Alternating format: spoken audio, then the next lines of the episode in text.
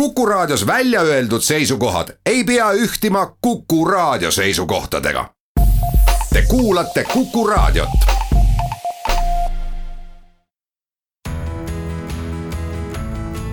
kuku Raadio nädala kommentaar. tere, olen Ardo Pajula ja loen siis ette kommentaaristsükli viimase, viimase jutluse ja selle, sedapuhku valis siis Sven teemaks äh, sõnavabadus. ja see teema oli siin, äh, kerkis üles äh, teravalt just pärast valimist ja pärast valimisi ja siis ma kirjutasin mm, Postimehele väikese selleteemalise laastu, et ega ma parem, et ega ma paremini midagi muud ei oskagi selle kohta öelda, kui, kui ma siis kirjutasin ja ja ma loen selle siis ette ja, ja soovin teile ühtlasi ka head vana aasta lõppu. see epistel kannab siis pealkirja Sõnavabaduse mikro ehk makro. nüüd, kus meil siin hiljutine mur-, mure vihakõne pärast on ootamatult asendunud ängiga sõnavabaduse tulevikust, on kasulik meelde tuletada tuhande üheksasaja kolmekümnendate aastate Saksamaa progressiivset kogemust. Weimari vabariik oli nagu hiiglaslik Ühendriikide üli, üliõpilaslinnak, märkis Kanada kirjamees Mark Stein ühes oma veebisaates sõnavabadusele olid seotud ranged piirid. eriti oluliseks peeti seejuures vihakõne vastaseid sätteid. üheks eesmärgiks oli mõistagi Hitleri marginaliseerimine. tuhande üheksasaja kahekümne viiendal aastal keelas Baierimaa tulevasel füüreril avalike kõnede pidamise. natsid vastasid karikatuuriga, mis kujutas suutropiga Hitlerit ning mille all seisis lugeda maailmas on kaks miljardit inimest, kuid ainult temal on keelatud Saksamaal rääkida kogu see vihakõne vastane kampaania polnud mitte üksnes tulutu, vaid aitas Hitleri võimu, võimule tulekule kaasa. niipea, kui temast oli saanud Saksa kantsler, rakendas Hitler viivitamatult Weimari Vabariigi vihakõne vastaseid seadusi oma poliitiliste rivaalide vaigistamiseks.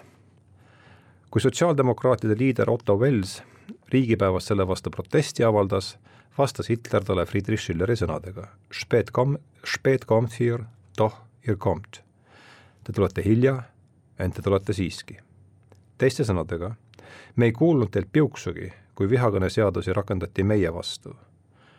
nüüd, kus me rakendame neid samu seadusi teie suhtes, on teist järsku saanud suured sõnavabaduse eestkõnelejad.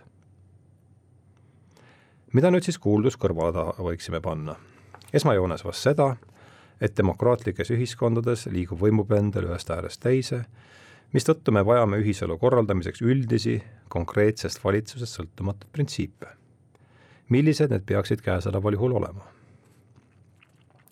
ligikaudu veerand sajandit tagasi läbisin ma oma magistriõpingute käigus õppeaine makroökonoomika mikroökonoomilised alused.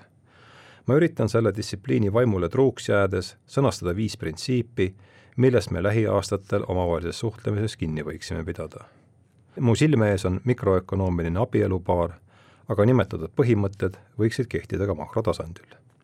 number üks, jälgi pidevalt oma partnerit ja hoia dialoogi üleval. vaimse tervise probleem on nii keeruline, et ükski meist omapäi seda lahendada ei suuda. kui keegi arvab teisiti, on ta terve mõistuse kaldast kardetavasti juba päris kaugele triivinud. teiste inimeste keskel elades lahendame selle probleemi allhanke korras iga päev annavad just lähedased inimesed meile kõigepealt mõista, kui me nende arvates teelt kõrvale hakkame kalduma. makrotasandil tähendab see seda, et me peaksime iseäranis praegu hoidma isiklikke suhteid ilmavaatelisse vastasleeri kuuluvate inimestega. Facebooki kõlakodadesse kapseldumine on siin võrreldav pikema lähetusega omaenda sisemongooliasse, kust paljud enam ei naasegi. number kaks püüan nobedalt tuvastada enda ja oma partneri tujuvõngete põhjused. seda põhimõtet on mõistagi võimalik mm, järgida alles siis, kui esialgne, esialgne kontakt on juba loodud. siin algab kõik küsimusest, järsku mul ei olegi iga kord õigus. kui seda kahtlust üldse ei teki, pole kooselu võimalik. ühel meie hästi tuntud arvamusliidril on kombeks arutleda niimoodi. siin on aktsioomid ja siin on eukleidiline geomeetria, järelikult me liigume nüüd sinna Pole mingit kahtlust, et see arutluskäik satub ületamatutesse raskustesse juba kaheliikmelises kollektiivis. ühiskonna tasandil pole seal mingeid väljavaateid. number kolm, ära eelda oma abikaasast halvimat. pärast pikka lahkutriivi kujunenud kriisiolukordades võib see olla piisavalt raske. seni, kuni kaasasõnad ja teod ei kutsu meis esile põlgust, võib plindrist olla veel pääsetee. Kui aga ollakse kord jõutud silmade pööritamise staadiumi, lõpeb asi varem või hiljem suure pauguga psühholoogid teavad rääkida, et just vastikustundel on katastroofi ettevalmistamisel keskne roll.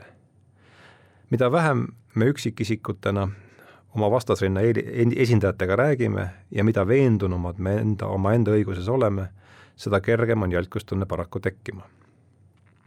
number neli. Vältimatute kokkupõrgete korral pole eesmärgiks mitte täielik võit, vaid rahumeelne koos eksisteerimine.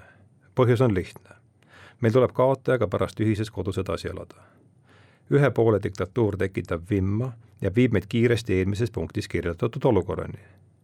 täielikku võitu taotlev osapool peab seetõttu peagi leidma endale uue vastase ja kogu asi kordub uues koosseisus. Paarissuhte puhul on selline arengukäik võimalik ja sage-, sagedasti ka praktiseeritav. ühiskonna kui terviku tasandil on asi märksa problemaatilisem Tšehhi ja Slovakkia stiilis velvetlahutused on võrdlemisi haruldased. sagedamini pekstakse köögis pea kõik nõud pilbasteks. number viis. Kõigi nende ühiskursil pühi, püsimiseks vajalike kompromisside tarvitus jõuab abikaasadeni läbi vaba mõttevahetuse, kus kõrgemaks väärtuseks ei ole mitte sõnavabadus kui selline, vaid vastastikune lugupidamine. sellest hoolimata võivad sõnad ikkagi palju haiget teha ühe viimasel ajal populaarsus kogunud seisukoha järgi on sõnad ohtlikumad kui vägivald. see mõte ei olegi nii jabur, kui esmapilgul paistab. hingelised haavad on paljudel juhtudel tõesti füüsilistega võrreldavad. Ent mis on alternatiiv? olla viis aastat vait ja loota, et keegi meie eest meie probleemid ära lahendab. kui ma alustasin näitega hitlerlikult Saksamaalt, siis lõpetan kaasusega stalinlikust Nõukogude Liidust Stephen Kotkin kirjeldab oma suurepärases teoses Magnetmägi tuhande üheksasaja kolmekümne kuuenda aasta pidulikku ärasaatmist Magnitogorski metallurgiakombinaadis. tsitaat. lõpetuseks koostas Pleno pöördumise Stalini poole, milles koosviibimisel osalejad kinnitasid tunderõhuliselt, et nad ei suuda sõnades väljendada kogu oma armastust suure juhi vastu ja väljendasid oma valmisolekut vaenlasele vastu astuda taolise absoluutse lojaalsusvande andnud ametiisikud ei teadnud siis veel, et tegelikult osutusid vaenlasteks nemad ise. olgu see pildike koos sissejuhatusega väikeseks vihjeks, kuhu me võime langeda, kui me ülaltoodud printsiipidesse liiga kergekäeliselt suhtume. ja veel kord, head vana aasta lõppu! kuku raadio nädala kommentaar